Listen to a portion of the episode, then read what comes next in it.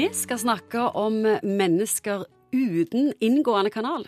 De som tar hele rommet, aldri lytter, snakker bare om sitt og har alltid en historie som overgår andres.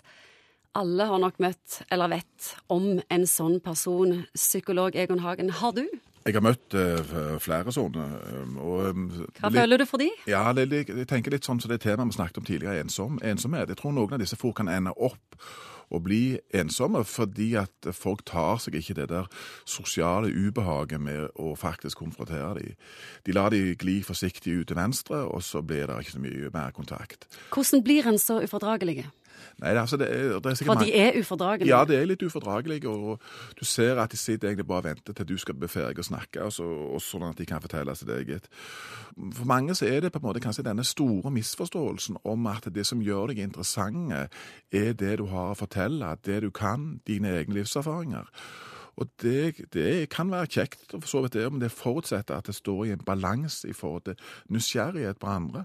Ingenting er så, egentlig så sjarmerende som å være sammen med en person som du opplever er genuint nysgjerrig på hvem du er.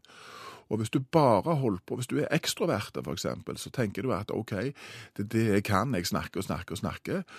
Og mange opplever nok etter hvert at de betaler en ganske høy pris, fordi at hvor ble det av gutta boys, altså. Jeg er jo her uh, alene. og Kanskje fordi at du har overspilt dette som du på en måte var så god på. Jeg sier det Hvis du går rundt altså hvis du går rundt med en hammer hele dagen, så er det mye som ser ut som en spikerhode. Du bare bruker det samme om igjen om igjen. om igjen. Istedenfor kanskje det å trene deg på faktisk å være interessert i de andre. For det syns de er omtrent like kjekt som det du syns. Eh, og det krever ofte en veldig tett relasjon for å ta dette ubehaget og konfrontere i forhold til sånne ting. Mange ganger så sier kompiser jeg gidder jeg å oppdra folk, altså det, det er ikke min jobb lenger. Men, men, Men hvis en tillater folk å være sånn, og aldri si ifra, så forteller du jo samtidig at det er greit at du er sånn. ja, det kan du si, og, men, eller at du finner indirekte mer passive strategier å unngå dette på, at du, du toner ned kontakten. Jeg tror ofte det er det som faktisk skjer. Men hvis en ikke har lyst til å tone ned kontakten, hvis en skulle forholdt seg konstruktivt til dette, hvordan skulle en gjort da? Ja, Hvis vi hadde holdt et kurs nå eh, om Ja. hvordan vi skal håndtere dette, vi kan jo leke det, så ville jo selvfølgelig eh, finne gode måter å gi tilbakemeldinger på.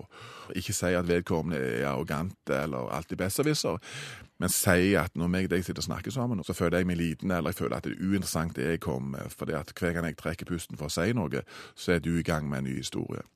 Si noe om hva det gjør med deg. Der har vi som venner en kjempemulighet, tror jeg, til å hvis vi orker det, og orker å ta på oss kostnaden, risikoen med det. Personen er faktisk så viktig at jeg må på en måte få sagt noe, for ellers så vet jeg at eh, du kommer til å forsvinne ut til venstre. Altså. Og så er det jo sånn at du kan prøve én gang, to gang, tre ganger. Du kan liksom føre folk ned til elva. Du kan ikke tvinge folk for å drikke eller ta til ved, men da har du fall forsøkt å gi noen tilbakemeldinger. Tror du det er noen som føler seg trufne nå? Jeg håper det.